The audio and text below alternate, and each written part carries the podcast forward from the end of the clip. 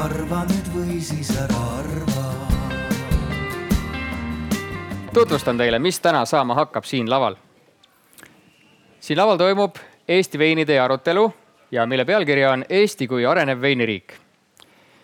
ja me hakkame siis rääkima Eesti kohalike veinitootjate tulevikust. selle arutelu eesmärk on tutvustada teile, et millega, mis toimub Eesti veiniskeenes, millega Eesti veinitootjad tegelevad ja kuidas me siis võiks teha niimoodi, et Eesti vein ja Eesti veiniturism, Eestis veiniteel reisimine võiks olla see asi, mida, see kõige ägedam asi, mida Eesti võiks maailmale tutvustada. ehk siis uus Eesti Nokia, võib-olla see on natuke kulunud võrdlus, aga saate aru küll. ja selleks tulevad siis hiljem siia lavale tõenekas sommelje ja inimene, kes on selle veinide ise Eestis bussiga läbi reisinud. mitte küll kõik talud, aga väga suurema osa neist. Arne Pajula seisab siin tuleb hiljem lavale, mitte kohe, aplaus. samuti tuleb siia Turismifirmade Liidu projektijuht Tiiu Vilbrand kollase pusaga. hiljem räägime turismist. ja samuti tuleb siia siis Eesti veinide veinitootjate esindaja ja veinivilja perenaine Tiina Kuuler. seal keskel istub. veinide särgid on meil täna kõigil ühed, ühtemoodi seljas ja saame minuga ka tuttavaks. mina olen Gregor Alaküla, mina olen Eesti veinide julgen öelda, väga kiidan ennast äh, alustaja mm,, idee autor ja tänu selle, selle, see on siis see põhjus, miks mina täna sellest ideest siin räägin. et tänu minule siis oleme täna siin.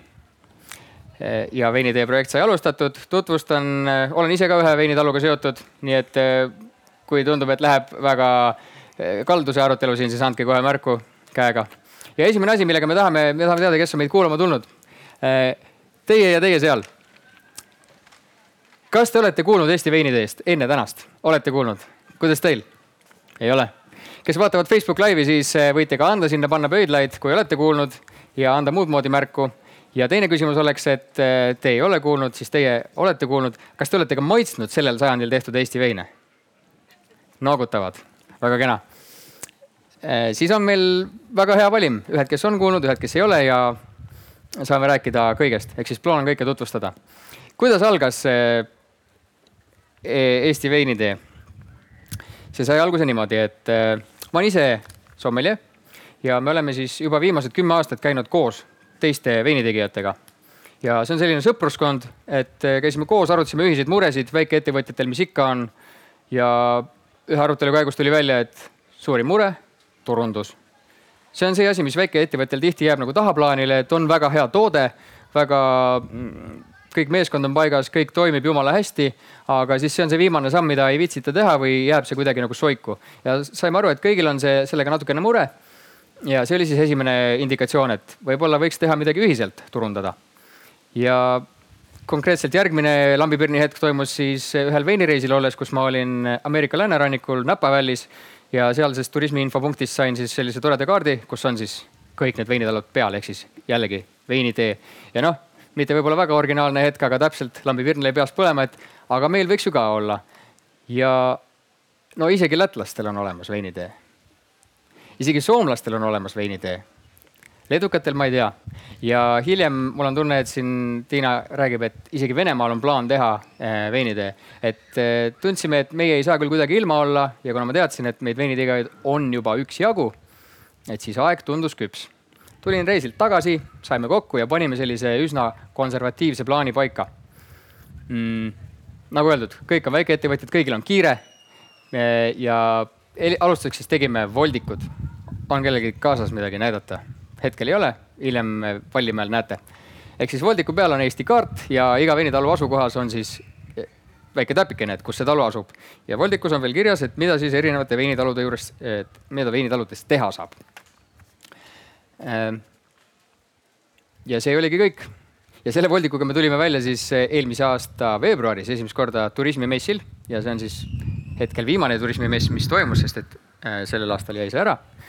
Eh, ja see toimus veebruaris ja kahe tuhande kahekümnenda aasta märtsis-aprillis toimus see, millest me ei räägi. kõik teavad, mis juhtus. ja kõik läks kinni ja see nii-öelda halb asi oli samal ajal veiniteele ka mingis mõttes hea asi sellepärast, et kõik istusid kodus ja kodus veini juues tulevad ikka head mõtted. ja eks siis andis meile natukene aega rohkem seda ideed viimistleda, tegeleda rohkem selle sotsiaalmeediaturundusega, mõelda läbi, kuidas me Facebookis välja paistame. tegime Instagramid, hakkasime tutvustama oma talusid, kutsuma inimesi endale külla. ja see küllakutse nägigi enam-vähem välja niimoodi, et kui see olukord ükskord läbi saab suvel, siis tulge meile külla. ja ma räägin siis eelmisest suvest, eelmine suvi tõesti seda näitas, et see turismimessil välja tuldud idee oli hakanud tööle. inimesed, kes reisisid veiniteelised on öelnud, et olid juba kuulnud, et eh, ahaa, me käisime seal teises talus ka ja niimoodi hakkasid juba üksteist vaikselt soovitama, ühesõnaga olid natukene kuulnud Eesti veinide eest. ja siis oligi selline esimene positiivne kogemus olemas. ja täna me siis tahame rääkida sellest, et okei okay,, tore värk, aga, aga mida siis veel teha, et kuidas see ikkagi siis tuntuks teha Äh, räägin natukene taustainfoks numbritest ka, et ei oleks lihtsalt sihuke ilus jutt, et hakkasime koostööd tegema ja kõik on hästi mm,. muuseas, koostöö on väga huvitav asi, hiljem räägime sellest ka natuke pikemalt, et äh, eestlastele ju tavaliselt ei meeldi väga üldse koostööd teha. ja iga äh,, eriti samas valdkonnas tegutsevad ettevõtjad tavalises mõistes on ju üksteisele konkurendid. aga nagu ma ütlesin, asi, meie koostöö, kooskäimine algas sõprusest ja meie peame kõik üksteist, ma väga julgen loota ja teised on ka vähemalt niimoodi mulle kinnitanud, et me oleme koostööpartnerid ja kolleegid. miks? seesama missioon, miks me üldse seda projekti alustasime, et äh, kui keegi ütleb midagi head Eesti veini kohta, siis see on ju samal ajal kasulik meile kõigile. ja sellest on, mulle tundub, et veiniteelised aru saanud ja sellepärast me üksteist koostööpartneritele võtame, võtame ja üksteist soovitada julgeme. aga nu, numbritest lubasin rääkida mm eelmine aasta, kaks tuhat kakskümmend, kõik kokku. veiniteele kuulub siis tänase seisuga üheksateist tootjat. kogu Eesti peale on võib-olla natuke rohkem, aga seal on siis mõned tootjad, kes ei saa endale külla kutsuda. aga veiniteelised kokku tootsid kaheksakümmend üks tuhat liitrit puuvilja marjaveini, siidreid ja viinamarjaveine, kõik kokku. kes on nüüd käinud mõnes suuremas viinamarjaveinitalus välismaal, võib öelda, et noh, see on ikka sihuke väike, ühe väikse maja mikrokogus, eks ole aga meil sellised kogused olid. ja kõige populaarsemaks tooraineks on siis õun. teisel kohal äh, rabarber, kolmandal kohal mustsõstar. et äh, siin on väga oluline täpsustus, üks mõiste täpsustus teha, et kui me räägime Eesti veinidest, siis me räägime puuvilja marjaveinidest. loomulikult äh, definitsiooni järgi on vein see jook, mis on kääritatud viinamarja Äh, mahlast ja mis kuulub siis Vitis vinifera või tema hübriidsortide hulka. aga see on siis ametlik definitsioon, vein, keegi ei vaidle, ükski prantslane meiega ei vaidle. aga on olemas ka selline isetõkkeline mõiste, mis veiniteeliste seas levib ja mida me väga hea meelega ise kasutame ja kuidagi loome seda uut kultuuri, et kui me räägime Eesti veinist, siis me räägimegi samal ajal sellest kõigest, millest siin saab veini teha. ehk siis samal ajal sinna sisse kuulub ka nii kohalik viinamarjavein puuviljavein, puuvilja ja marjavein ja kuna ma ütlesin, et rabarber on teisel kohal, siis rabarber tegelikult ei ole mitte kumbki neist. Äh, rabarber on siis, mis ta on, köögivili. just, et aga ühesõnaga Eesti vein, puuviljad, marjad, viinamarjad, köögiviljad, kõik, millest saab veini teha. Ja üks mõiste on veel, millest äh, on täna võib-olla arutelu kuulates kasu, on siis käsitöövein ja koduvein kui oleks avatud mikrofon, ma kohe küsiks, kes teab, aga ma pean ise vastama endale. Eh, vahe on siis selles, et kui te teete ise endale kodus puuviljadest, marjadest veini, siis see on koduvein ja kui te teete seda nagu Eesti veini tegijate eeskujul müügiks ja toodate ametlikult, siis see on käsitöövein. selline lihtne mõiste. Nii. peaaegu oleme saanud selgeks, millega Eesti veiniteel tegeletakse ja ma mõtlen, kas ma tahtsin midagi olulist veel. Äh, ja nagu ütlesin, üheksateist tootjat veiniteel hetkel ja Eesti veinitee hüüdlause on Eesti veinitee põhjamaine maitserännak. see ei olnud esimene asi, mis pähe tuli, me ikka pikalt mõtlesime. see ongi täiesti uus veinipiirkond, millena me püüame ennast kehtestada ja maitseid on ja, ja rännak on ka. Nii et sellepärast selline hüüdlause. aga täpsemalt kõigest sellest saavad siis hiljem rääkida tootjad teile Vallimäel, kus on veinitee telk astuge ligi, võtke, ärge kratist kinni võtke, aga astuge ligi. ja räägime pikemalt, aga nüüd tegeleme sellega, milleks me siia tulime. hakkame arutama, et mis siis võiks saada. palun lavale Eesti Turismifirmade Liidu projektijuht Tiiu Vilbrand, palun.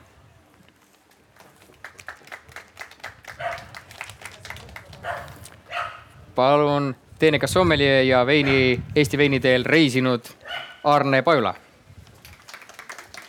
mm. -hmm. ja palun siia Eesti veinitalude esindaja ja veinivilja perenaine Tiina Kuuler. ja Tiina on ühe aplausi veel ära teeninud, sellepärast et tal on täna sünnipäev. Ta, ta, ta ise on küll öelnud korduvalt, et sünnipäev on mõnel teisel päeval, sest täna on kiire päev, aga, aga ikkagi tasub märkimist. nii see tuul puhub mulle otse mikrofoni. kõik on endale mikrofonid saanud, kohe esimese küsimusega saame testida, kas need töötavad ka. Ehm, ma ütlesin eh, nüüd hiljuti lõpus siin defini-, def, defineerisin ära, et ehm, Eesti marja, Eesti vein on siis puuviljad, marjad pluss viinamarjad ja saab neid väga erinevat moodi nimetada. aga ükskõik, kuidas neid nimetada, loeb ikka see, mis on pudelis, sisu ja see sisu on viimasel kahel kümnendil väga oluliselt muutunud, ka see vorm, ka see silt ja see koht, kus neid kõike pakutakse. ja võib-olla alustame sellest, et kui me, me hakkamegi kõigepealt rääkima laiemalt lahti, et mis on Eesti vein eh,. Miks ta on selline, miks ta nii palju maksab ja ühesõnaga räägime kõik selle Eesti veini teema lahti. aga alustuseks esimene küsimus teile. et eh, millised on teie enda kokkupuuted Eesti veinidega? kas tuleb meelde võib-olla esimene või noh, kahtlemata te olete siia palutud sellepärast, et teil on neid kokkupuuteid, aga rääkige mõnest eredamast seigast, et mis ühendab teid ja Eesti veine? hakkame Tiiust pihta. noh, kuidas ma ütlen? Esimene armastus see mul ei olnud. aga tööalaselt äh, ma puutusin kokku Eesti veiniga, tänu oma tööle ma puutusin kokku Eesti veiniga. Ja mul on tõesti väga hea töö. Ja ma pean ütlema, et see oli ka väga hea kogemus, sellepärast et minu esimene mm,, esimene õpetaja või esimene teejuht selles oli Tiina minu veinihaldjas, kes keeras täiesti pea peale mõiste Eesti veinist ja, ja see oli, ähm, see oli ääretult vahva kohtumine see esimene kohtumine. sellest sündis väga äge projekt, mis äh, päädis sellega, et äh, Vabaõhumuuseumi kolukõrts sai omale maja veiniks mustikaveini. ja see oli vahetult enne, enne seda, kui Eesti oli Euroopa Liidus eesistujamaaks. ehk siis meil oli toona ees hästi palju vastuvõtte ja uskuge või ei kui meil tulid külalised oma õhtut veetma, neil oli üritus seal broneeritud, onju. ja siis äh, ma alustasin väga uhkelt sellest itaallastele, hispaanlastele, kuidas Eesti on veiniriik. Noh, mis te arvate, kuidas Vana-Euroopa reageeris? naeris. naeris. tuli õhtusöök, õhtusöögi kõrvale pakkusime Eesti veini ja millega õhtu päädis? nagu filmis Viini postmark, aga kastide asemel olid Eesti veinid, millega nad meie juurest lahkusid. ehk okay. siis nad ostsid neid kõike kaasa ja, et see julgus välja tulla Eesti veiniga, see peab lihtsalt olema nii tugev ja nii ambitsioonikas, et see vana veinimaailm tuleb kummuli lüüa. Arne, millised on sinu kogemused? no minu kogemused on sellised kummalised. minu esimene kogemus Eesti koduveiniga Äh, toimus äh, vanuses, millest poliitkorrektses maailmas ei saa rääkida. aga no ütleme niimoodi, et ma olin nagu selline no ütleme seitsmeaastane või niimoodi. ja mm, vanaisal ja isal oli veini ümbervalamise protsess käsil.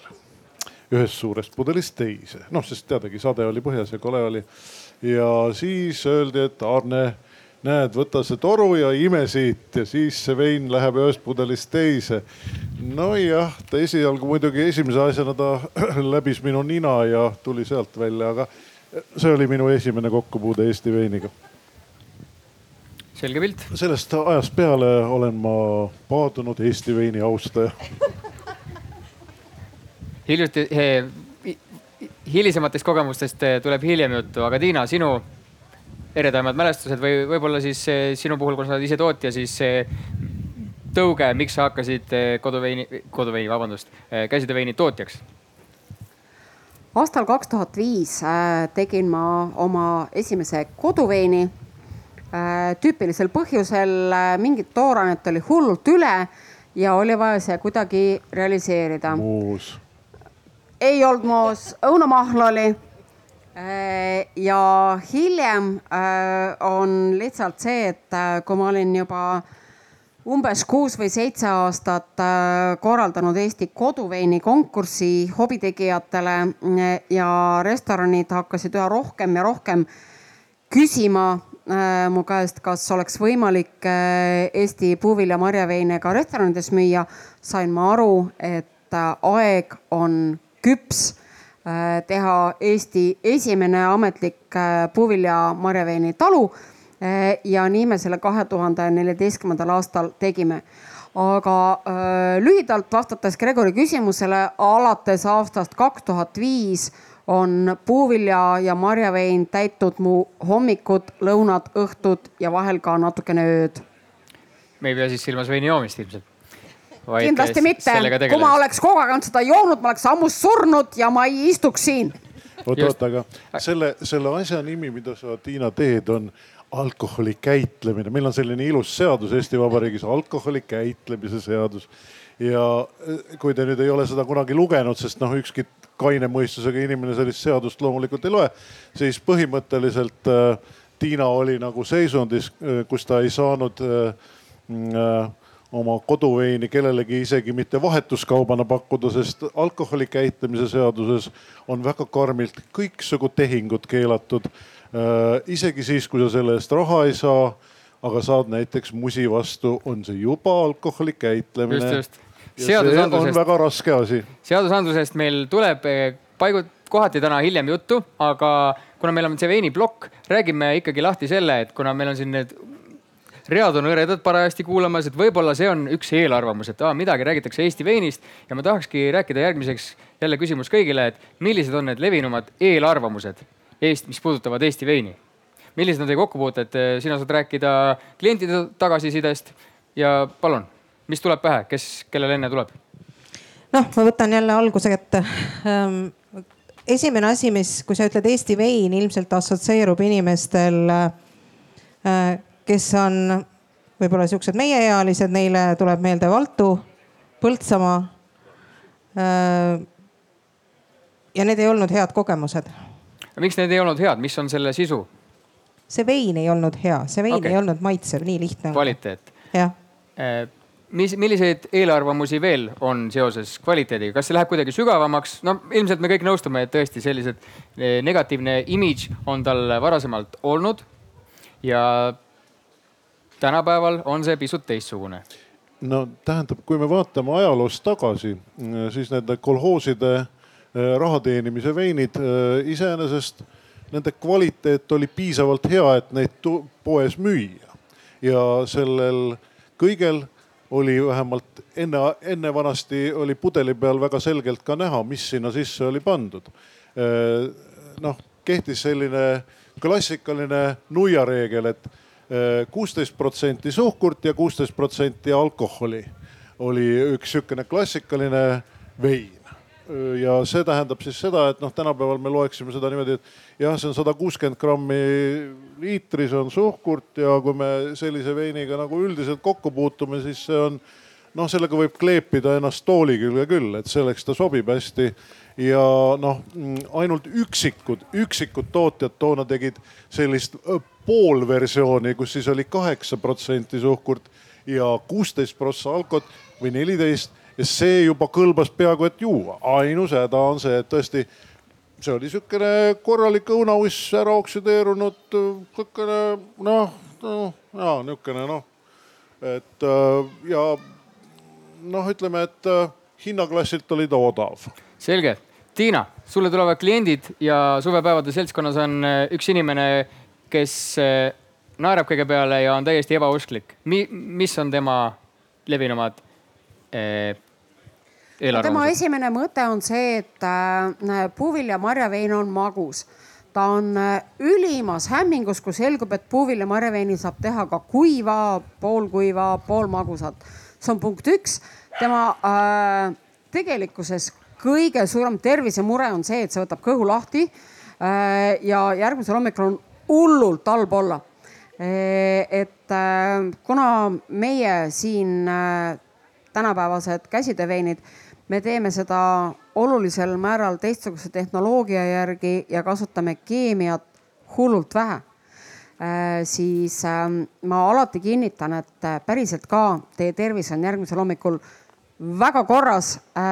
veinid on kuivad või täpsustame täpselt nii kuivad, kui te ise tahate, sest meil kõigil Eesti veinitootjatel on portfellis väga erineva magususega veine, sealjuures siiski rõhuga kuivadele veinidele. et need on nagu sellised põhilised müüdid, mida me kohe murda saame. ja kui me oleme need ära murdnud, siis selliseid väiksemaid ja tühisemaid müüte on juba tunduvalt kergem olnud murda mm. -hmm räägime nüüd sellest veini tegemisest, et mainisin, et veiniteel on tänase seisuga siis üheksateist tootjat ja kõikide nende tegevust ikkagi mingil määral suurel määral reguleerib seadusandlus. Ja veinimaailmas on ikkagi tihti reegleid veel, eriti kui me nüüd võrdleme korraks, hüppame näiteks mõnda traditsioonilisse viinamarjaveini piirkonda, on apellatsioonid. Väga mikropiirkondades, kuidas midagi tohib teha, eriti puudutavad need siis eh, vee ja mõnede muude lisaainete eh, lisamist veinile. aga meil, kui me räägime siis nüüd konkreetselt võrdluses marjaveiniga, siis selliseid reegleid meil ei ole rabarberiveini võid teha nii kuivalt, magusalt, äh, mulliga, ilma, kuidas iganes ja seda on ka näha, et kõik need tootjad on teinud, see valik on äh, käsitööpoes või restoranis üsna kirju. aga Tiina, mis meil hetkel toimub selles seadusandluse vallas, et tuleb välja, et Euroopa Liidu dokumentides on kirjas, et kus ja milliseid viinamarjasorte üldse tohib kasvatada. mis äh, Eestis selles vallas toimub? Äh, Eestis äh, lahutame siis praegu joonelt ära selle, et meil on puuvilja marjaveinid äh, ja meil on viinamarjaveinid. puuvilja marjaveinidega valitseb selline rõõmus anarhia jätkuvalt edasi. väga seadusandlus meid ei piira. ja puuvilja marjaveinide asjus ei piira seadusandlus ka olulisel määral teistes Euroopa riikides, äh, kui palju suhkrut, kui palju vett ja muud seesugust. viinamarja veinidega on nüüd keerulisem, äh, kuna Eesti on äh, suhteliselt noor viinamarja kasvatuspiirkond siis meil ei ole siin veel väga täpseid reegleid olnud. kohalikud kasvatajad alles katsetavad, millised sordid elavad meie talved üle, millised ei ela aga meie kõigi suuriks, äh, suureks õnnetuseks on äh, maaeluministeerium äh, esitanud avalduse arvata Eesti viinamarja piirkonnaks A see tähendab seda, et me oleksime ühes piirkonnas koos näiteks Rootsi ja Taaniga, mis on külma piirkonna viinamarja kasvatuse alad. ja kui meid sinna vastu võetaks, siis meid ootaksid väga suured piirangud ja regulatsioonid, mille jälgimine ja, ja arvepidamine, et me kõikidest nendest piirangutest kinni peaksime, olgem ausad, maksab riigile kordades rohkem kui see, kui palju viinamarja veini me praegu iganes toodame. Tiina, Tiina, Tiina, Tiina, ära, ära liialda, tähendab äh, see, et sinna kuuluvad äh, Taani ja Rootsi ja mis iganes Põhjamaad ei tähenda mitte midagi, tegelikult tähendab äh, rohkem see, et sinna A-rühma kuulub näiteks Moosel. ehk siis me peaksime hakkama äh, Eestis viinamarju kasvatama nende reeglite järgi, mille järgi kasvatatakse viinamarju meist noh, mingi peaaegu tuhat kilomeetrit lõuna pool või niimoodi umbes et, et see on nagu selle, selle, selline ühinemine üldise viinamarjaveini tootmise loogikaga on no, ühemõtteliselt meile väga-väga kahjulik, sellepärast et me, me ei ole kindlasti võimelised tootma midagigi joodavat äh, või noh, nagu nauditavad sellisel moel, kui meil on maksimaalselt lubatud lisada äh,. ma ei tea, kolm grammi liitris suhkurt ja noh, šaptalisatsioon on nagu noh, kuskil seal piiratud, eks ole. et see on nagu väga raske värk äh, üle elada, ma kardan. Äh, me vist, meie, meie viletsamatel aastatel Eesti viinamarja vein oleks tõenäoliselt hädavaevu ületamas äh, viinamarja veinile seatud kaheksa koma viie protsendi alumist piiri, eks ole, sest meil ei ole siin olemas mingisuguseid ajalugusid ega midagi, mis lubaks meil toota madalama protsendiga eh, veini ja öelda, et see on vein, eks ole. nii et noh no me oleme hetkel natukene selles lõksus, et äh, ametnikud elavad oma elu ja Viinamarja mäed elavad oma elu. kuskilt peab see ajalugu pihta hakkama, kõik need sada aastat ajalugu, aga no., aga ma tahtsin küsida hoopis selle kohta, et okei okay,, viinamarja veinidega sellised lood on üks selline kummaline asi, aga kas veinitellistel on äkki endal kokku lepitud äh, mingeid reegleid või kuhu sa näed, et see tulevikus äh, võiks minna või kes seda siis peaks reguleerima, kas riik või tegijad ise?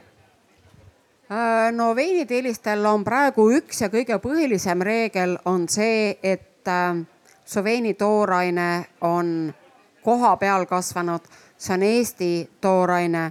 Ja isegi kui me saame aru, et noh, Lõuna-Eesti on sisuliselt Põhja-Läti ja, ja isegi kui Lätis on äh, mingi, äh, puuvili või mari kordades odavam, äh, siis Eesti veiniteele kuuluvad talud põhimõtteliselt kasutavad ainult Eesti toorainet, punkt. Äh, ja äh, kuhu see edasi liigub, äh, selles osas me kindlasti järeleandmisi ei tee, et me kasutame Eesti toorainet. kuidasmoodi regulatsioonid ühel hetkel kujunema hakkavad, kas puuvilja marjaveinidel on vaja omaette regulatsioone, DOC, DOCG ja kõiki muid piirkondi ma arvan, seda natukene näitab aeg, me ei saa seda kohe jooksu pealt praegu otsustada, et on nii või on teisiti. selge pilt, siin on võimalus küsida publikult nüüd üks küsimus. kohalik tooraine, eh, kuna on jah ei küsimused, siis eh, tõstke käsi need, kui te arvate, et kohalik tooraine on oluline. kes arvab, et on oluline see, et meil oleks Eesti tooraine? ja kes arvab, et vahet ei ole?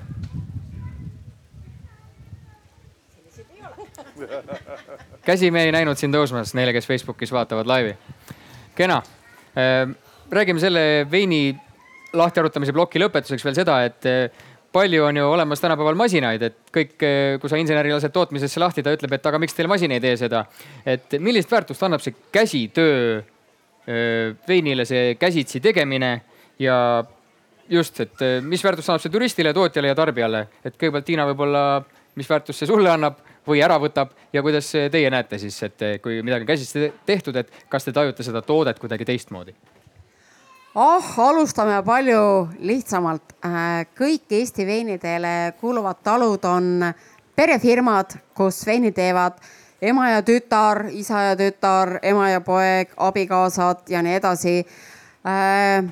Meil ei ole fonde, me ei tõsta investeeringuid, meil ei ole kellelgi mingeid tohutuid aktsiakapitale kusagil selja taga, me teeme veini nende oskustega ja nende kätega, mis meil on ja masinaid on meil kõigil majapidamises täpselt nii palju, kui rahakott peale hakkab. ja etapp, mille jaoks meil raha ei ole, selle me teeme käsitsi. Äh, lihtne, äh, miks meil ei ole masinaid rohkem? me oleme väga noored, me oleme väga väikesed firmad ja kõik, mis masinaga teha ei saa, me paneme sildid käsitsi peale, me paneme korgid käsitsi peale. Äh, see on nii käsitöö, kui üldse veel Eestis olla saab peale käsitöö võileibade, sest noh, võileibadega on ka see värk, et, et äh, mitte käsitööna on neid ilgelt raske teha onju. Et äh, lihtsalt äh, miks me teeme, sest teisiti me ei saa. ja äh, see ongi see, me anname oma hingest oma füüsisest, oma tegevusest nii palju ära neid veine tehes, et praktiliselt ma ütleksin äh, igas viimses kui pudelis Eesti veiniteel valminud veinis on umbes poole jagu veinimeistri hinge sees. Higi, verd ja ma just pisaraid. tahtsin öelda, et peaasi, et see. aga teie, kuidas te hindate seda käsitsi tegemist, kas on nii, nagu Tiina ütles, kas see paistab, kuidas see tarbijale välja paistab ja kas seal on mingi muu lisaväärtus? no mina ei tea, mina vaatan asjale pragmaatikuna niimoodi kõrvalt ja on selge, et noh, et kui eh, seade maksab eh, mitu tuhat rahatükki ja sa peaksid selle eh, noh, raha teenimiseks maha müüma mitukümmend tuhat pudelit noh, siis nagu läheb asi nagu suhteliselt keeruliseks, et lihtsam on võib-olla müüa see mõni tuhat pudelit ja teha seda asja käsitsi ja mitte noh, nagu, nagu põletada raha kahel otsal. noh, aga vahetevahel vist tuleb mõni asi appi ja aitab ne, neid tooteid siiski ka, et eks, eks väikesed tugirahad ju ikkagi liiguvad ja päris ilma nendeta ju reaalselt ei opereerita. olgu, olgu, PRIA on olemas no just, PRIA on olemas ja, ja noh, tänu sellele on no ütleme, see areng on õnneks tänu sellele läinud väga ilusasti ja suhteliselt kiiresti. et noh, muul moel veniksime me veel võib-olla kümme aastat niimoodi jumala käsitöö veini peal. et noh, kahjuks või õnneks nihukese elus ka tehnoloogina töötanud inimesena ma võin öelda, et noh, käsitsi saab väga huvitavaid veine aga mm, noh, ütleme selliste korralike paakide või, või mahutitega, korraliku sisseseadega saab korralikke veine teha. ja üks asi, millest nüüd Tiina ei rääkinud, mis äh, on Eesti veinide, äh, veinitegijate puhul väga oluline erinevus kõikide ümberkaudsete maade võimalike veinitegijate ees on see, et äh, kuna Eestis ei ole veinihariduse jaoks äh, suurt mingit muud tarka kohta, kui käia sommeliede koolis. Kasvõi algtasemel seda sommeliendust seal äh, nii-öelda uurimas ja targaks saamas, siis, siis just tänu sellele on ka veinid Eestis vähekese ilusamad ja intelligentsemad kui meie näiteks armsate lõunanaabrite juures on olnud võimalus istuda Baltikumi veinižüriis ja ja noh, ma ütleks, et kui ma siin enne ütlesin, et see sada kuuskümmend grammi ja, ja kuusteist protsenti alkoholi oli noh, sihukene okei okay,, noh magus ja hirmus, eks ole siis äh, Läti tootjatel ei ole mingit kunsti panna veerand kilo suhkrut liitri sisse ja, ja öelda, et rahvale see meeldib ja lätlastel on natuke teistsugune maitse, on tulnud võistlustelt välja. aga milleks? Selge pilt, väga oluline märkus tuua välja kvaliteedi koha peal, aga Tiiu eh, ikkagi seesama küsimus, et eh, masinaga versus käsitsi. ja turismi, turismisektori esindajana võin küll öelda, et seda hinge on eh, väga selgelt tunda. Eh, ja eelkõige läbi selle, kui sa saad ise nendes, nende veinitegijate juures käia. see vahetu kogemus on nii ehe ja see on see, mis Tiina, nagu Tiina ennemgi rääkis, see murrab ära äh, selle eelarvamuse ja see ehitab selle usalduse, selle usalduse silla, sest täna, mis on täna Eesti veini vastu ju usaldust kui niisugust ei ole, onju sinna me kohe varsti jõuame, ongi selle aeg, aeg selle teemaploki viimaseks küsimuseks. võtame selle teema kokku. mulle on tulnud veinitellistelt selliseid mõtteid tagasisidet, et kui kliendid tulevad külla, eh, nad on kõik kõigega väga rahul no enamasti. ja kui on aeg osta, osta sooritada, siis ikkagi üks tüüpilisemaid küsimusi on, aga et kust ma seda siis osta saan. ja inimesed kujutavad ette, et nad lähevad oma kodu lähimasse supermarketisse ja kohe sealt nad seda saavadki. aga täpselt niimoodi ei ole reaalses elus. Tiina, räägi, kuidas ja kus Eesti veine täna peamiselt müüakse ja kas see on üldse mingi lihtne asi? no kõige kindlam äh, moment muidugi on äh, igas talus äh, koha peal natukene müüvad äh, piirkondlikud äh, talupoed, taluturud, käsitöö, toidukaupade poed Tallinnas Telliskivis Sipp aga laias laastus suuremad supermarketid meid väga ei ootagi me oleme lasknud teha uurimuse ja kokkuvõtte ja sealt selguski, et täitsa siiralt üks eestimaine kaubanduskett, kelle nime ma siinkohal ei maini, ütles meile otse, ärge parem tulge oma veine meile pakkuma. Te olete liiga kallid ja te võtate jubedalt palju riiuliruumi ja müüte vähe. et kuna meie tooted on erilised, nad ei ole kõige odavamast hinnaklassist, siis nende koht ei olegi Selveri, Rimi ja Prisma kusagil alumisel või keskmisel veiniriiulil. Need tahavadki individuaalset lähenemist äh, ja sellisel juhul pigem on nende õige koht restoran, kus sommelee on väga hästi kursis, missuguse veiniga on tegu, kuidas sellega on tehtud ja siis loomulikult koha peal. mulle tundub, et äh, nii-öelda välismaal või kui me räägime nüüd viinamarja veinitaludest, on see trend väikestes majades täpselt samamoodi ja see supermarketisse püüdlemine ei peakski olema selline suur eesmärk üldse. mis sa kostad? ei, muidugi ei ole mõtet toppida ennast sinna, kuhu sa ei kuulu.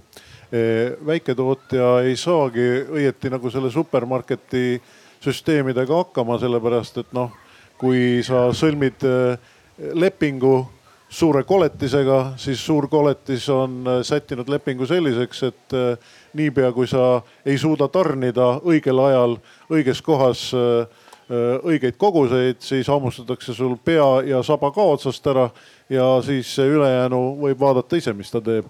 nii et, et selles mõttes noh, see väike tootja peabki tegelema väike müügiga ja võimalikult personaalse müügiga. no selge, et, et läbivalt ei õnnestu päris oma kodus kõike maha müüa, aga ma usun, et Tiina võib kinnitada ka seda, et et kui sa oled kodus ühe pudeli maha müünud, siis jäävad ju ka kõik vahendustasud sulle. et see on ka tulususe mõttes nagu väiketootjale oluliselt kasulikum, kui ta seda ise teeb. Okei okay., ärilises mõttes või noh, nagu, nagu majanduslikus mõttes tõenäoliselt on see noh, sihukene vähekese idiootlik jutt, aga, aga noh, kuna on hästi väikeste üksustega tegemist, perefirmadega, pereettevõtetega siis äh, kõige parem tulemus on siis, kui see kõik see raha jääb perele. on nii? väga kena, ma arvan, et me oleme Eesti veini teemaploki lõpetanud, saanud selgeks, mis see siis täpselt on ja miks ta selline on. kui tekkis, jäi küsimusi õhku, tulge hiljem Vallimäelt läbi ja räägime kõik asjad, teemad selgeks. nüüd küsimus publikule, me hakkame rääkima sellest, milleks me oleme siia kogunenud Eesti veiniturismist ehk siis veinitalust veinitalusse käimisest. ja siin alustuseks selline küsimus et äh, meil on siin rahvast ka natuke lisandunud, et mitmes Eesti veinitalus, kes on käinud mõnes Eesti veinitalus, käsi püsti? kena, on neid inimesi ehm,. Tiiu, räägime alustuseks nagu ikka ühes heas koolitunnis lahti selgeks mõisted, mis on veiniturism, mis on selle osad? ma nüüd ei tea, ütleks kohe tsiteerides klassikuid, et eks äh, üks pilt räägib paremini kui tuhat sõna me ei saanud siia ekraani kahjuks. vaadake, mis siin toimub. siin on meie veiniturism. nii ta tegelikult täna on. kui nüüd äh, mõistest rääkida nagu teooria mõistes, siis äh, loomulikult seal, kus on veinitootjad, seal on veinid. see on osa meie kultuurist. ja seda tuleb turistidele näidata. ehk siis ma arvan, et me peaks Eestis samale tasemele jõudma, nagu on äh, see vanas Euroopas ehk siis tuntud äh, veinimaades Itaalias ja Hispaanias, et kui ma lähen Hispaaniasse, siis ma kindlasti vaatan ka mõne veinimaja, mis seal piirkonnas asub, mida külastada. ja ma arvan, et Eesti veinitee peaks olema üks nendest kümnest tegevusest, mida Eestis teha. kui turist lööb sisse, mida ma peaksin Eestis tegema või mida ma peaksin Eestis nägema siis vot üks nendest kümnest peaks küll olema meie Eesti veinitee oma taludega. mulle tundus, et me just sõnastasime ühe väga hea eesmärgi ja kohe me varsti hakkame rääkima sellest, et kuidas sinnani jõuda. aga Arne, sina oled elus käinud päris mitmel veinireisil, räägi, mis on need veinireisi kohustuslikud osad? no tähendab äh, veinireisi noh, üks sihuke sisuline mõte tüüpiliselt on käia võimalikult mitmes majas ja maitsta erinevaid huvitavaid asju, eks ole noh, kui me nüüd, kui organiseerida see veinireis kuskil Euroopas, noh siis sa sõidad paar tundi, ütleme näiteks bussiga ja siis oled järgmises majas ja naudid seda, mis seal pakutakse ja sõidad jälle paar tundi ja, ja saad niimoodi mingisugused paar-kolm maja päevas ära käia, sest noh, ütleme hea küll, mina olen käinud muidugi ka sellistel reisidel, kus sa käid päevas äh, kuus maja ja maitsed äh, no võib-olla kuuskümmend veini, võib-olla sada veini päevas äh, noh jah, aga keskmine see on inimene. edasijõudnutele. ja, ja see on, see on äärmiselt edasijõudnud värk, eks ole, aga keskmine inimene noh, eriti üle kolme maja päevas ei tahaks nagu külastada, sest kahjuks selle raames noh noh, ei, ei ole, ei raatsi ju veini välja sülitada ja tahaks nagu kõike ära maitsta niimoodi põhjalikult ja lõpuni. Sest noh, lõpuks on ju raha ka makstud, eks ole. ja, ja noh, siis sihukene kuri pragmaatika hakkab nagu haju, hägustama vähekese tajusid ja, ja sellest reisist ei tule nagu väga tore siis võib-olla, aga noh, ütleme niimoodi, et kui kuskil välismaal organiseerida, siis see peab olema sihuke kombineeritud reis, et noh käime vahepeal kuskil kultuuriobjektil, muuseumis, siis lähme järgmisse veinimõis ja sööme, võib-olla sööme restoranis, võib-olla sööme veinimõisas, kuidas jumal jaotab ühesõnaga ikkagi seotud erinevate teiste tegevustega, et ei ole ainult veinimajast veinimajasse. no just nimelt, aga nüüd äh, eelmisel aastal äh, kõige selle koroona jama kiuste äh, õnnestus mul organiseerida üks bussireis mööda Eesti veiniteed. räägi lühidalt seda ei ole võimalik väga lühidalt teha. ma võtan hästi lühidalt kokku. Me käisime mm, siis noh, üheteistkümnes majas, kolm päeva oli meil ja mm, selle raames mm, jah, meie sõidu pikkus oli sutsukese üle kaheksasaja kilomeetri. ja me alustasime Tallinnast ja lõpetasime Tallinnas ja me ei käinud äh, Äh, mitte sugugi kõikides majades ja me jätsime täiesti ühemõtteliselt ära Põhja-Eesti ehk siis Tiina juures me ei käinud ja nii edasi, sest selle peale, kui me sinna oleks roomanud, oleks selle reisi pikkuseks kujunenud umbes tuhat kilomeetrit. ja see oleks kestnud ilmselt neli päeva vähemalt. et oleks kuidagigi saanud hakkama nagu ajaliselt ja, ja noh, niimoodi kuidagi inimkapatsiteediga ka nagu, et noh, et võib-olla siin huvitav välja tuua, kas, mis see inimese kohta maksis see kolmepäevane reis no,? sellega on see õudne lugu, et see läks niisugune sinna kuhugi neljasaja rahatüki alla niimoodi koos ööbimistega ja nii edasi, eks ole. et noh, selles mõttes selline Euroopas tehtud reis ei maksa sugugi mitte palju rohkem, pigem vaata, et võib-olla saab soodsamaltki seda. mina teha. olen käinud Saksamaal äh, nädalasel veinireisil ja maksnud tuhat kuussada, nii et silm ka ei pilgu. nii et äh, nelisada Eestist on jumala okei okay.. kohe hakkame neid hindu ka võrdlema, aga ma ikkagi läheks siit äh, edasi, nii nagu meil mõeldud on, et. aga oot-oot-oot, see oli nagu reisihind, aga noh, siis ostad ju kaasa ka, nii et noh ega no, siis see teine nelisada läks nagu niimoodi kaasaostmiseks et nii et selle tuhandeni jõuab kiiresti välja kolme päevaga, ei ole mingit kunsti. aga siit kohe küsimus eh, Tiinale, et sina praktikuna, mida siis sina veinituristidega teed, kui nad tulevad sulle külla, mis need võimalikud tegevused on?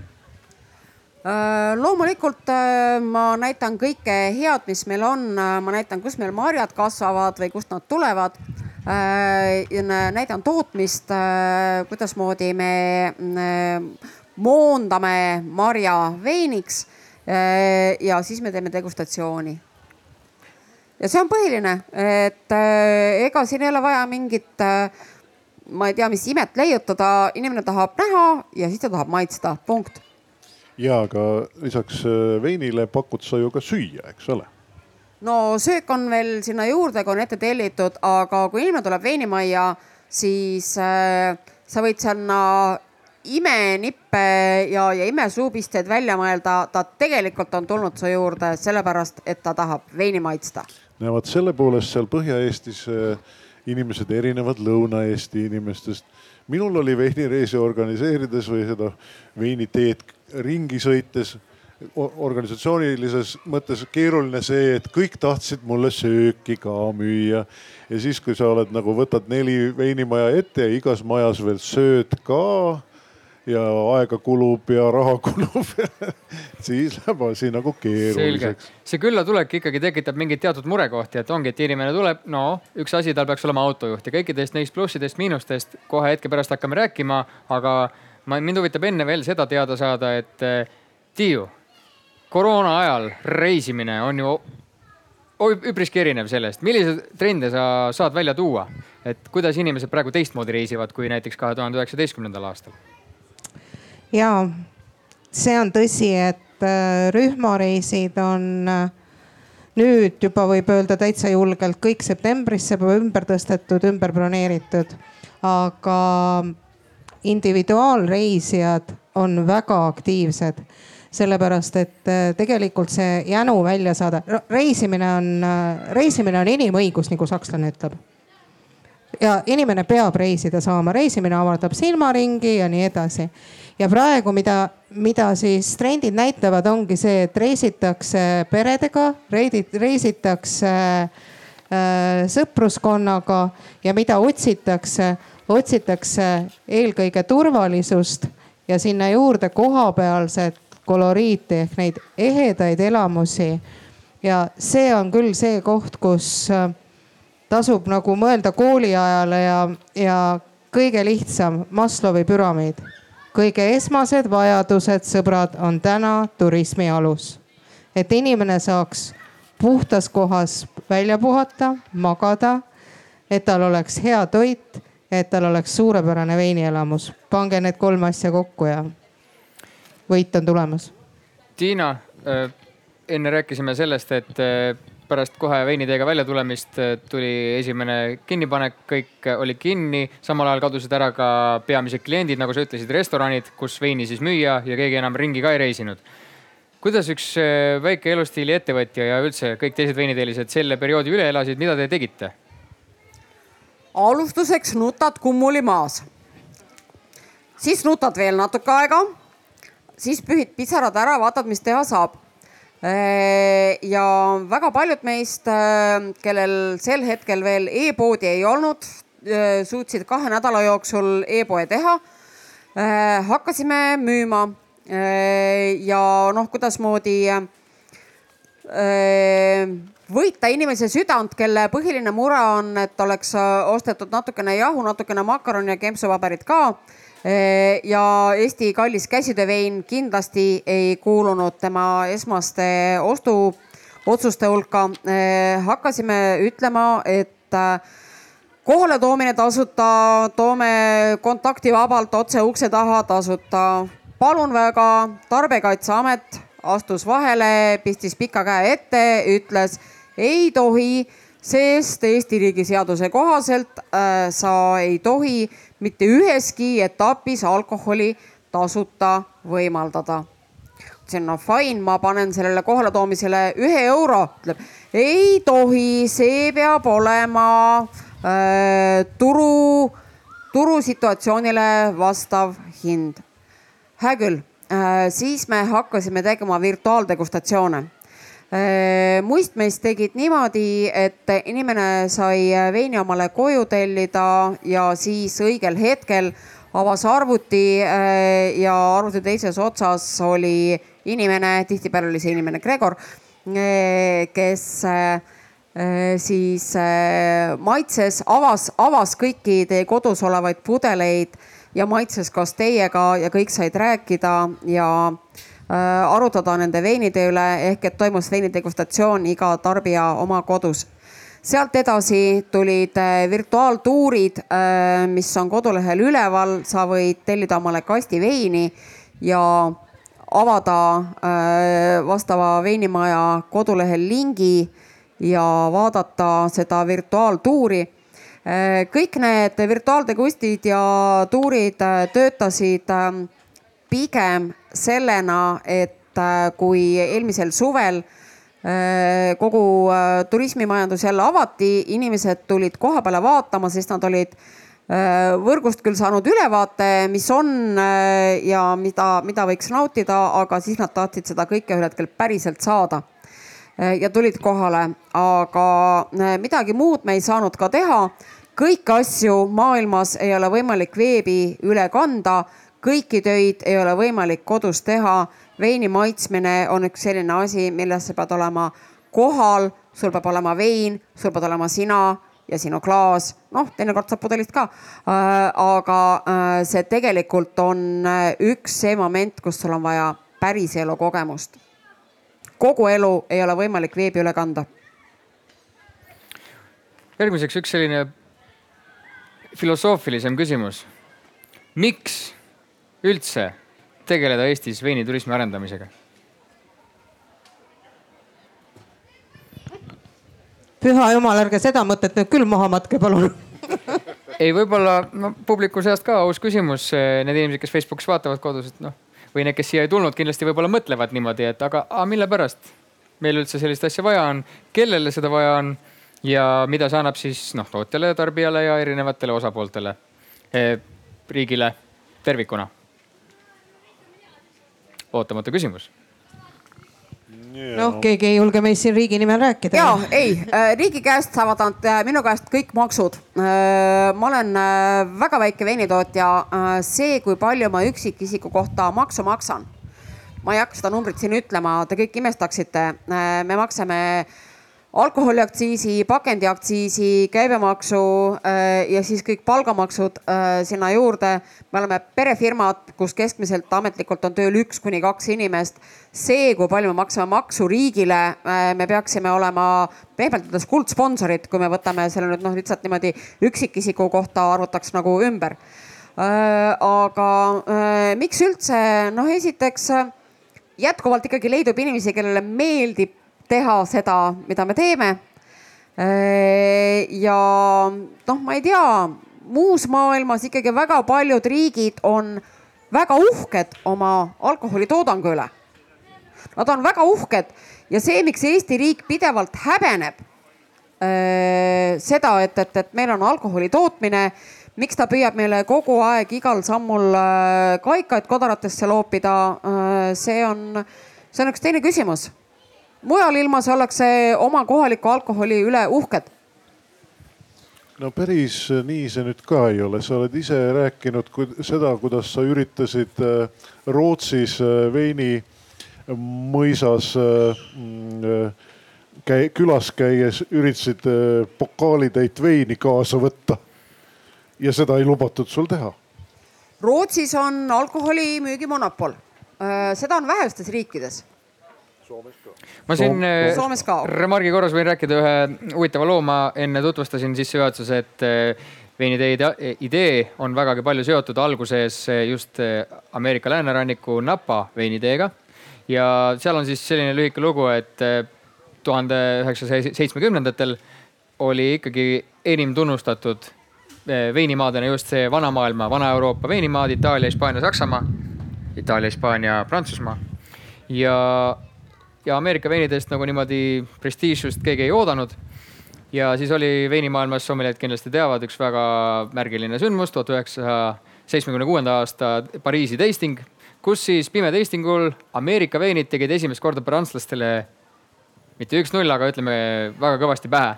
ja alates sellest siis eh, see Ameerika veini võidukäik algas ja üks asi, mis oli märgiline, mis seal mulle tutvustuses nii-öelda välja toodi, oli siis see, et tollane president enne vaatasin järgi, Carter äh, hakkas siis seda võtma kõigile endale visiitidele kaasa ja tutvustama seda enda riigi visiitkaardina, et see on meie äge vein. et. just, see on, äh, seda me nimetame veinikultuuriks, mida Carter tegi. aga see, millest Tiina rääkis, äh, miks kaikaid kodaratesse, ilmselt ongi see, et seda kultuuri meil täna ei ole. aga ma tahtsin vastata sinu eelmisele küsimusele, et miks seda teha siis äh, seesama näide, mis te tegite Tuurestil. Ähm, kui Tuurestil oli Eesti veinitee maailma esmaesitlus, onju, siis ähm, teie Facebooki postitus Tuuresti oma, Tuuresti sotsiaalmeedias lõi nii suurt populaarsust, et see oleks äärepealt kinni püüdnud meie tasuta pääsme postituse. aga sinna ta ei jõudnud. ja kuna alati on Tuuresti puhul see, et ajakirjandus küsib, et noh, mis see kõige populaarsem koht jälle on, kas Türgi või Kreeka või, siis sel korral ma rääkisin meie PR partneriga, et palun räägime Eesti toiduteest või sellest Eesti veiniteest miks, keegi ei taha sellest kuulata, mis sa ajad, onju. ma ütlesin, palun rääkige, uskuge mind, kui see sotsiaalmeedias juba nii palju populaarsust kogus, järelikult on huvi olemas. Mõeldud, tehtud, me tegime täiesti eraldi pressiteate selle kohta ja ka see hakkas oma elu elama. nii et see on juba üks põhjus, miks te ei tohi seda katki jätta. Teil on tegelikult tarbijad olemas siit on väga hea minna edasi järgmise küsimusega, et meil ongi palju reisibüroosid, kes teevad eh, reise ja veinireise välismaale. aga neid, kes siin teeks need Eestis, neid nagu väga veel ei ole. ja tahan küsida teie käest, et kuidas pidi see peaks olema, kas nii nagu mõne veiniga, nagu see ütlus ütleb, et ükski prohvet kuulus omal maal, et enne pead saama, enne peame tooma siia mitu bussitäit prantslasi ja hispaanlasi ja siis hakkavad kohalikud reisima või kõigepealt peaksime iseenda veini armastama hakkama ja siis tulevad välismaalased ka. mis teie arvate? Äh, no tegelikult äh, meil on olnud kahe viimase suve jooksul väga palju välismaalaste bronne, mis kõik ühel hetkel tühistatakse, sellepärast et, et välisturist praegu ikkagi busside kaupa Eestis momendil ei käi. Äh, ja teine asi, Eestis, Eesti turist ei võta väga vist bussireisi. Eesti turist mõtleb, ma lähen ise kohale. mis, milleks mulle bürood vaja on, on mul õigus, Tiiu? nii on, aga uskuge või mitte, koroona on äh, pannud isegi meie Eesti inimese Eesti reise broneerima läbi reisifirma ja seda sellepärast, et äh, ei usaldata seda, mida inimene räägib, vaid usaldatakse seda, mis partner on reisifirmal. No ühesõnaga, kui, kui nüüd jah, ühe sellise veinireisi siin Eestis korraldanud inimesena võin ma öelda, et nojah, kõik on, kõik on ilusti tehtav, ega midagi keerulist selles ei ole. Ja ometigi on see noh, paras hullumeelne tegevus, sellepärast et noh, ehm, teie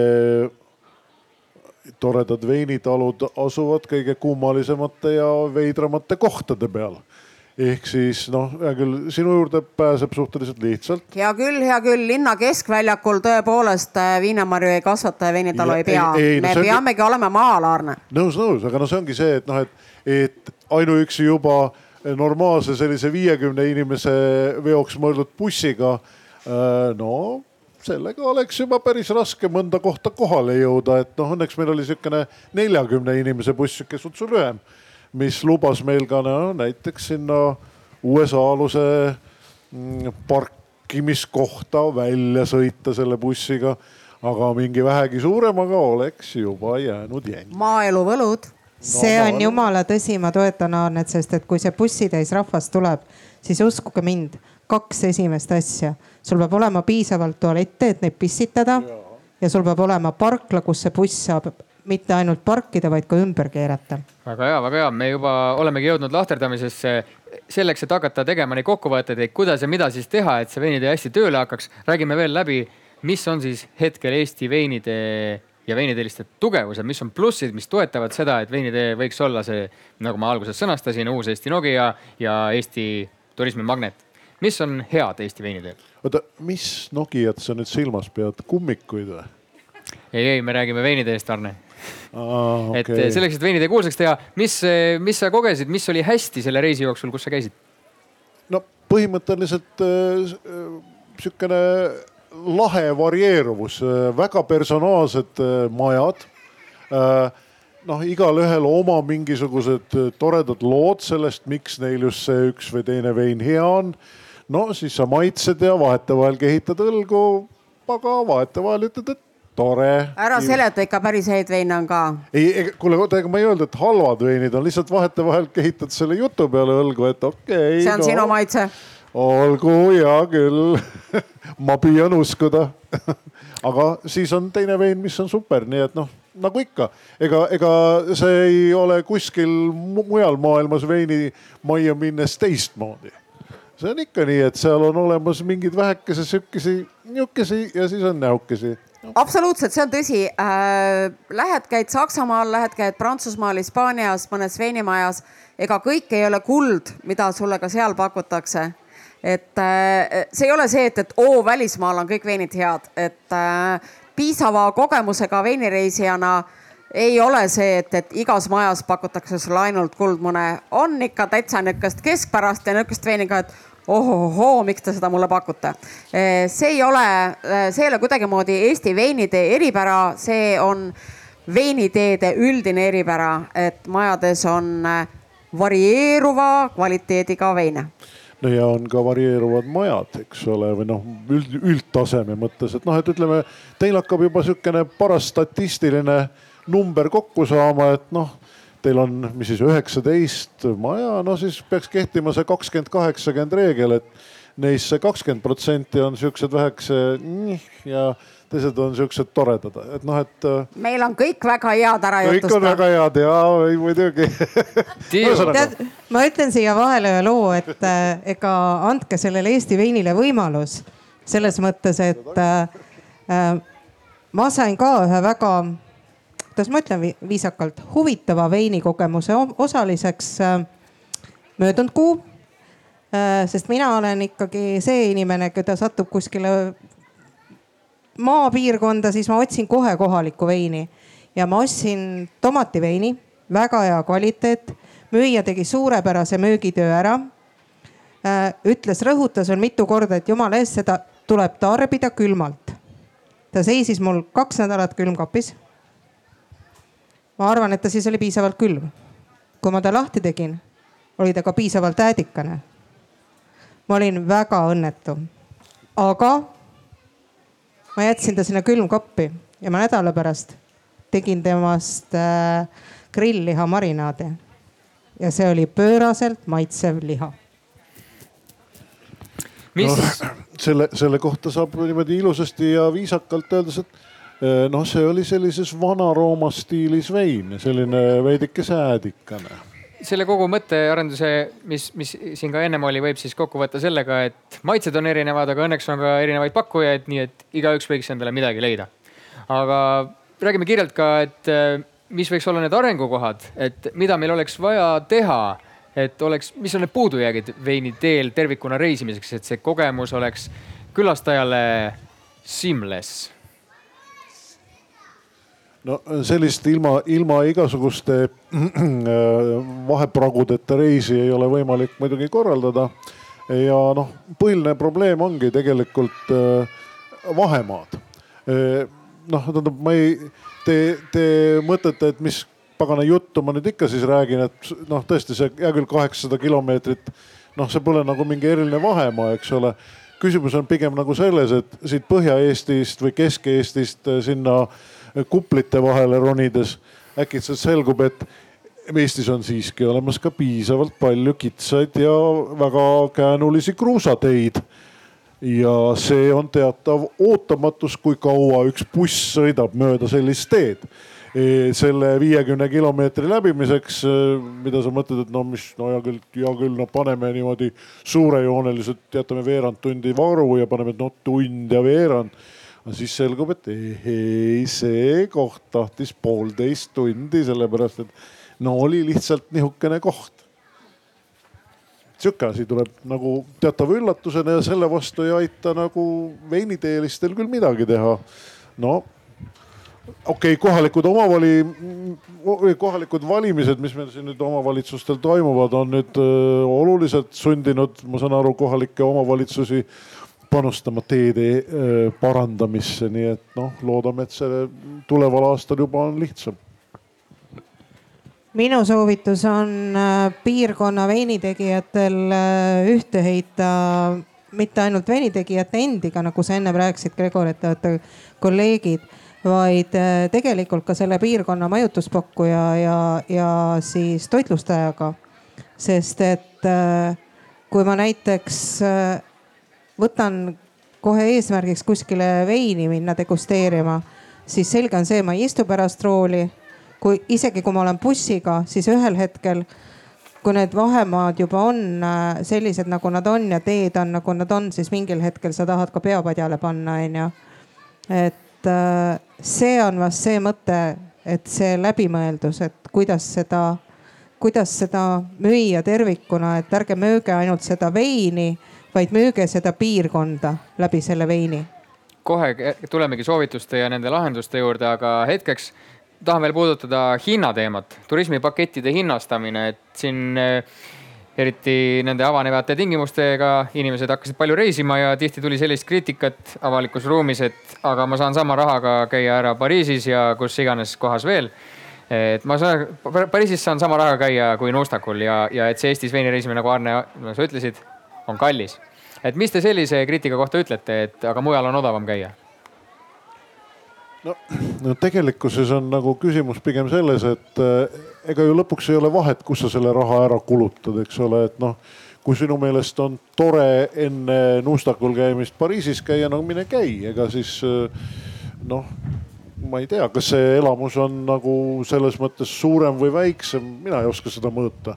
noh, elamuse sa saad Nuustakul ja elamuse saad sa Pariisis, eks ole, et noh lõpuks noh ma, ma ei saa, noh, see on, see on alati niisugune kummaline värk, eks ole mulle endale ausalt öeldes väga ei meeldi kuskile väga reisida, ma hea meelega ei reisiks, aga noh, teisalt jällegi noh, ikka tuleb vahetevahel seda ette võtta, eks ole. noh, ma ei tea, inimesed on erinevad. Ma olen täitsa päri, kõik hakkab ikkagi sellest, mida sa otsid sellelt reisilt, et äh, kui sa otsid päikesereisi, siis äh, väga vabalt oleks seda võinud teha see suvi ka Eestis Äh, suurepärane suvi. päikest me, päikesega me oleks võinud seda Eestit müüa nii, et Hispaania oleks värisenud, onju. aga tegelikult ongi see, et sellel rahal on ju väärtus ja see väärtus tuleb ikkagi läbi selle emotsiooni, mis sa saad. et ma arvan, et veinimajja, meie Eesti veinimajja või kuskile veinimõisa ilmselt keegi ei lähe selle mõttega, et ta tahaks seal nädal aega päikest võtta. no ühesõnaga, kui me lähme selle emotsiooni tasandile, siis tõesti võib-olla siin antud hetkel ongi meil selline seis, et kuna te olete nii vähe aega saanud tegutseda, siis ei ole olemas lihtsalt seda taustsüsteemi, millele keegi saaks oma väiteid nagu noh, nagu seda vundamenti, millele saaks see reisikorraldajagi oma oma väiteid nagu nõjatada, et noh, et vot see on ikka noh, noh nihuke asi, eks ole. Te lihtsalt peate seda tegema, sest see on nii vinge värk. et noh, esialgu see on niisugune, no niisugune väikene metsik lääs saab põnevaid elamusi, aga pead ka vastavalt olema nõus väikeste selliste põnevate kannatuste või, või põnevate ootamatuste jaoks, eks ole. noh, mõnele see meeldib, mõnele mitte kui meil oleks võimalik seda teha odavamalt, äh, me kindlasti teeksime. Äh, me teeme teda täpselt ähm, sellel kõige madalamal piiril, äh, millel me suudame ise ellu jääda. ükski Eesti veinitalunik miljonäriks ei ole saanud. Ja isegi miljardäriks mitte selge, meil on kakskümmend minutit, et hakata tegema kokkuvõtteid, et rääkida siis, et aga mida siis täpselt teha ja selle, me oleme rääkinud siis Eesti veini teema selgeks, me oleme rääkinud sellest, mis see Eesti veiniturism siis tänasel päeval endast kujutab ja selle ploki ma tahan võtta kahe küsimusega publikule. käsi püsti, kes arvab, et Eestil on, Eesti veinidel on potentsiaali olla Eesti turismimagnetiks? jah, käsi püsti nüüd. Kes arvab, et ei ei ole, seal võite ka tõsta, kes on teil kell ja teie veel ei arva, väga hea. Äh, teine küsimus on see, et äh, kas te ise, kes äh, läheks ise vei, nüüd Eesti veiniteele järgmisele veinireisile, käsi püsti. aga kes kindlasti ei läheks? okei okay., seekord käsi ei tõusnud, aitäh, väike meelsushääletus jälle teada. Mm, ja nüüd me hakkame siis tegema kokkuvõtteid mis me oleme kõik tänasest teada saanud ja mida siis täpselt teha. me ikkagi liigume selles suunas, et ikkagi võiks, nagu meil just selgus, et eh, võiks olla potentsiaali ja mida me siis teha, teha saaksime selleks, et seda potentsiaali ära kasutada veelgi paremini. meil on olemas, mis meil on? meil on olemas veinitalunikud, ihu ja hingega igapäevaselt, nagu sa ütlesid, asja juures olevad eh, inimesed. meil on olemas suurepärane toode, me sellel pikalt täna ei jõudnud peatuda, rääkida sellest, et eh, veinid on ka nii siin kui rahvusvahelistel võistlustel tegelikult päris suuri tunnustusi saanud. Aarne tõi välja, et on kvaliteetsed veinid, sellepärast et eh, paljud meistritest on käinud sommelier koolis, teavad, mida nad teevad. Michelini tärnidega restoranis on ka Eesti veini. just nimelt, kellel see tuleb üllatuseks, siis eh, hiljem Vallimehel võime sellest pikemalt rääkida, et meil on olemas tegijad, meil on olemas äge toode. mida me siis peaks tegema, et Eesti saaks, kui me nüüd räägime siis rahvusvaheliselt rohkem tuntuks ja populaarseks sihtkohaks või jääbki meie lootuseks olla ühe niširiigi, nišiturismi, niši sihtkohaks? no tähendab, ma arvan, et reaalselt ei ole võimalik kuidagi veenda mitte ühtegi välismaa veinitarka, et, et Eesti on fantastiline veinimaa. sest noh, ütleme niimoodi, et prantslased äh, viskavad lihtsalt ninaga. noh, nad, nad, nad isegi ei vaevuks, rootslased ei vaevuks. võib-olla soomlased, mõni Soome ajakirjanik võib-olla võiks, võiks sellest isegi kirjutada. Nende jaoks oleks see isegi nagu mingil määral huvitav. noh, jah, ma ei tea, võib-olla võib-olla mingi, mingi, mingisugused meie naabruses olevad, noh, ma ei tea, poolakad võib-olla võiksid olla kuidagi noh, nende, nendel ikkagi ka tehakse puuvilja marjaveine ka lisaks kõigele noh muule. et võib-olla nemadki oleks selles mõttes nagu vähekese intrigeeritud. noh, ma arvan, et meie lõunanaabrid Aboljuviinast ja ab, Aboljuvinsi tegevad asjad no,, nemad nagu vaevalt, et noh, vaevalt, et me sinna suudame väga palju midagi maha müüa nad tahaksid hoopis magusamat veini ja seetõttu lihtsalt noh, meie, meie, meie veinid neile lihtsalt turisti, turismiobjektina ei sobiks. üldine sissejuhatav küsimus selles plokis teistele ka, mida peaks tegema? E, või võib-olla ma sõnastan, ma hakkan hoopis teisest otsast pihta, et äh, räägime ennem, et kellele. kui me veiniteed alustasin, oli mul endal vaimusilmas selline mõte, et veinitee on edukas siis või ma ootasin seda töövõitu, et töövõit on siis, kui me lennujaamas on suur plakat saabuvatele reisijatele, et näed, et siin on Eesti veini ja veinitee, tulge meile külla ja, ja siis kohe hakkavad turistid voorima ja tulema. juba tänase arutelu käigus on saanud selgeks, et see üksinda reisiv võib-olla auto, linnaturist autot võib-olla tihti ei võtagi ja kuna veinitalud asuvad maapiirkondades, siis tal on väga raske sinna jõuda. et võib-olla see lennujaam ja see ei olegi üldse nagu kõige õigem koht. et hakkame hoopis pihta sellest, et kellele oleks vaja Eesti veiniteed turundada. Arne eelmises vastuses viitas, et võib-olla need võiksid olla ümberkaudsete riikide elanikud, inimesed, kellel on võib-olla sarnased kategooria tootega nagu kogemusi olemas, aga kindlasti mitte Michelin täniga restoranide sommeljeed Pariisist. No tõenäoliselt küll jah, no kuigi noh, ütleme nii, et Michelini tärniga restoranid on äh, alati võimelised midagi eksootilist äh, maha müüma ja selles mõttes noh, ei ole mingi ime, et, et, et mõni vein on ka Michelini tärniga restoranis Eesti veinide veinidest. ja noh, ei ole ka mingi ime, et, et mõned veinid on võitnud või võistlustel toredaid auhindu. võistlused on ikkagi sellised võidujooksud, kus silma paistavad vähekese erinevad noh, sellest laiast massist sutsukese paremas mõttes erinevad tooted, eks ole Tiina ja Tiiu, kellele peaks Eesti veiniteed turundama? no ma tulen sellesama mõtte juurde tagasi, et äh, mis on need kümme asja, mida Eestis teha? kõikidele külastajatele julgelt, et äh, ma kuulan Aanet ja mõtlen, et kus on see entusiasm, kes tegi alles bussireisi mööda veiniteed. aga noh, võib-olla võib-olla see jäi sinna rahakotti, ei tea. et seevastu mina olen küll väga optimistlik ja ütlen, et, et see klient on, on tegelikult siinsamas. täna on tõesti neid vähe, aga täna juba need inimesed, kes siin on, nad räägivad sellest kogemustest, mis nad siit lavalt said. Nad räägivad sellest, mis nad pärast saavad seal veinide telgi juures äh, ja sinna tasub sõbrad proovima minna, uskuge mind. Nendes veinidest ei pettu, neid veineid ei pea panema äädikaks, et äh, selles mõttes ikkagi julgelt edasi ja see tarbija on olemas nii siin kui sealpool piiri. ei, minu nagu seisukoht ei olnud sugugi nagu noh, mingisugune teab mis kriitiline või, või, või, või kuidagi mahatampiv.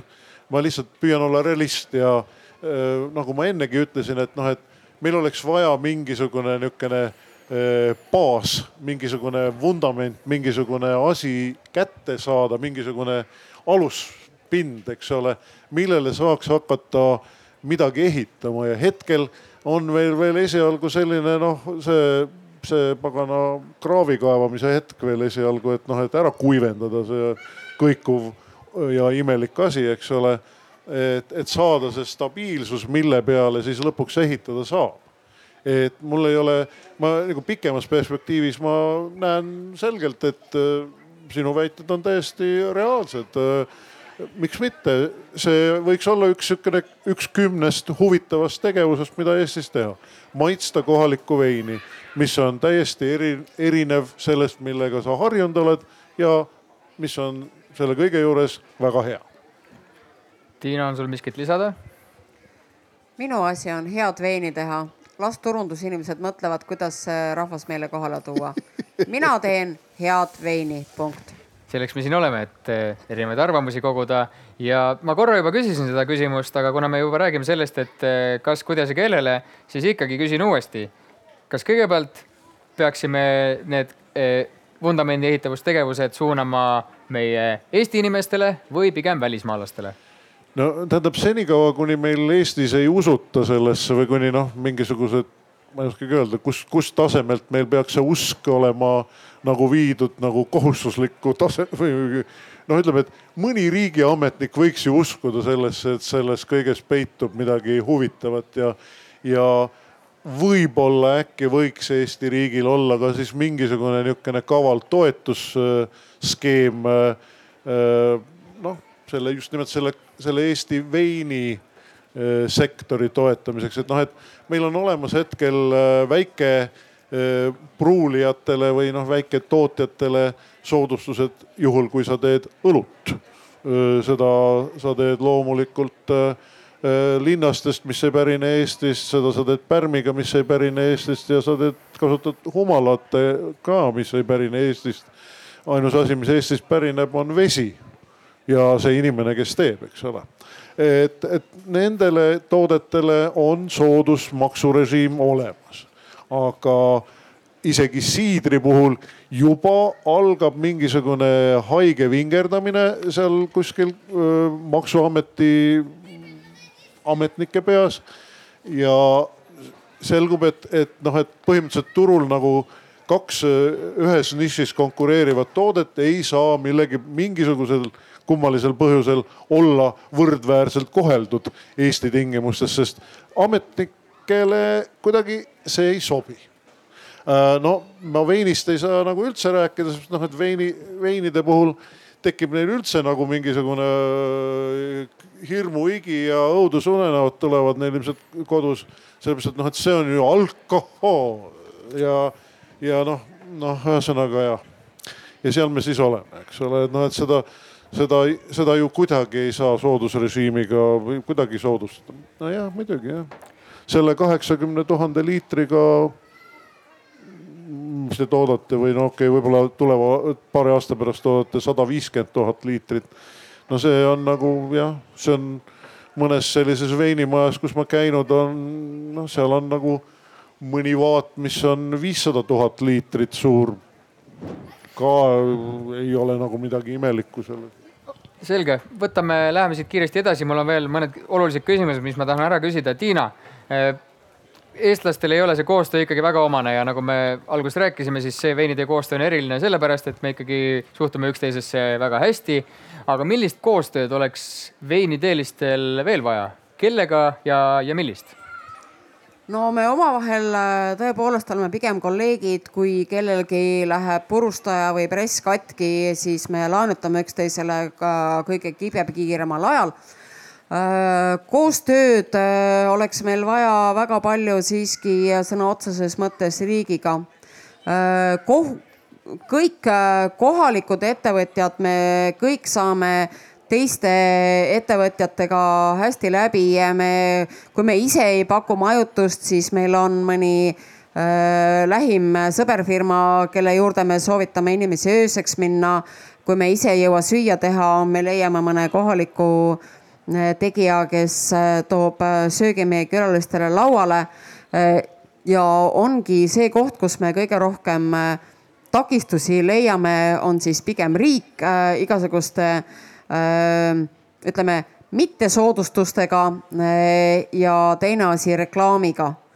et äh, me ei tohi äh, alkoholi reklaamida me ei tohi rääkida veinikultuurist, sest see kõik on alkohol, see kõik on alkoholipropaganda ja kõik, kes teevad alkoholipropagandat, on kohe automaatselt pahad ja aga kui sa lähed supermarketisse, siis selle aja jooksul, kui sa seal suudad kassani jõuda ja oma maksud ära maksta seal kassas, oled sa tõenäoliselt kolm korda kuulnud äh, mingisugust segast sõnumit äh, selle kohta, et kui sa oled kuni kolmekümne aastane, siis võidakse sinu pabereid kontrollida ja üleüldse alkohol ja.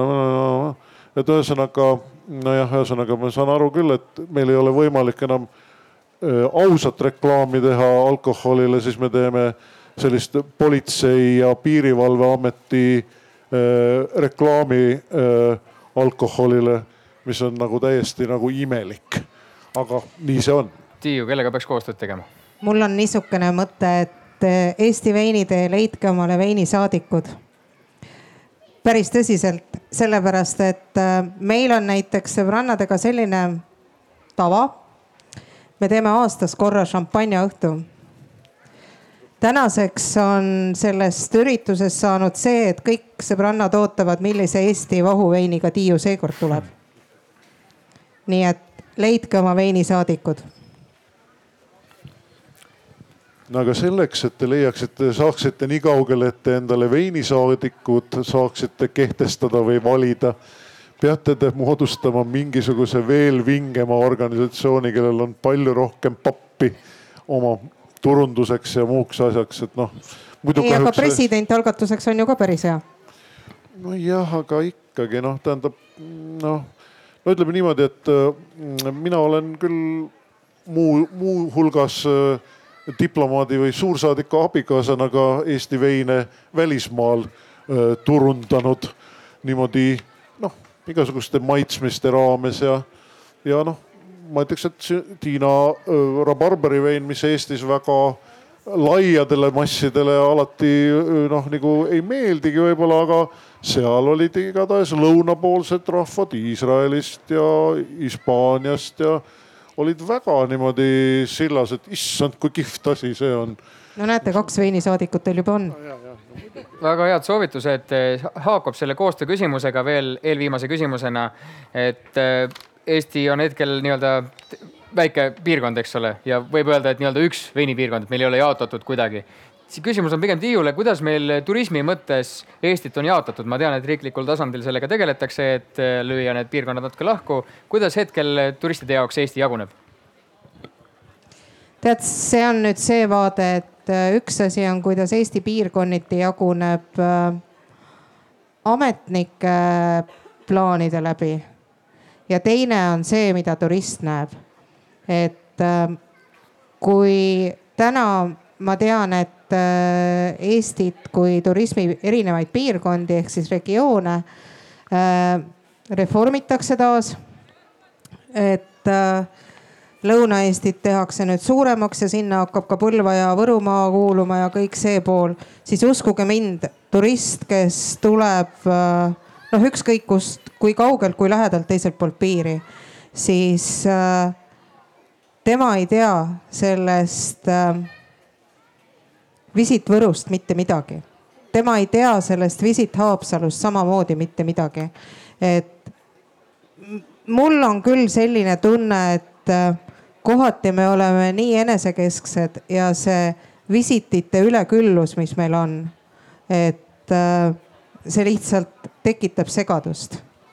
et sellesama, sellesama tunde ma sain kätte nüüd, kui, kui selle pandeemia raames ühtäkki kõik äh, kohad said ju turvaliseks. tule siia, siin on turvaline. täpselt samamoodi hakkas see sõda jälle piirkonniti ja need märgid, mis välja tulid, noh, me räägime ikkagi Eestist.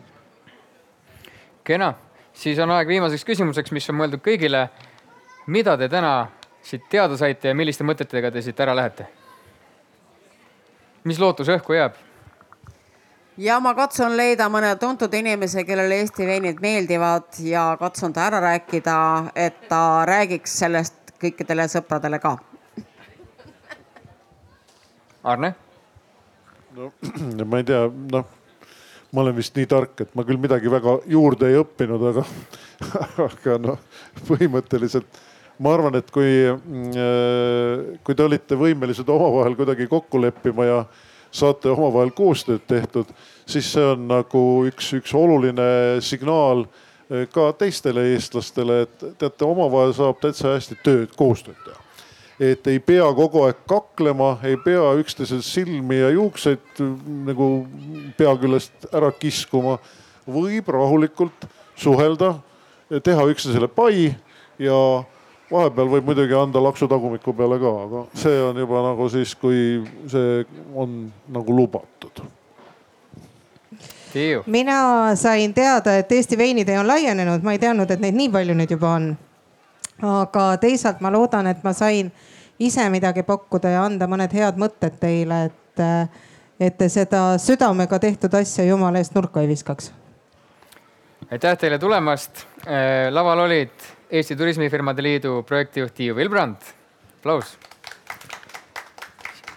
teenekas sommelie ja Eesti veinitee tuuri läbinud Arne Pajula.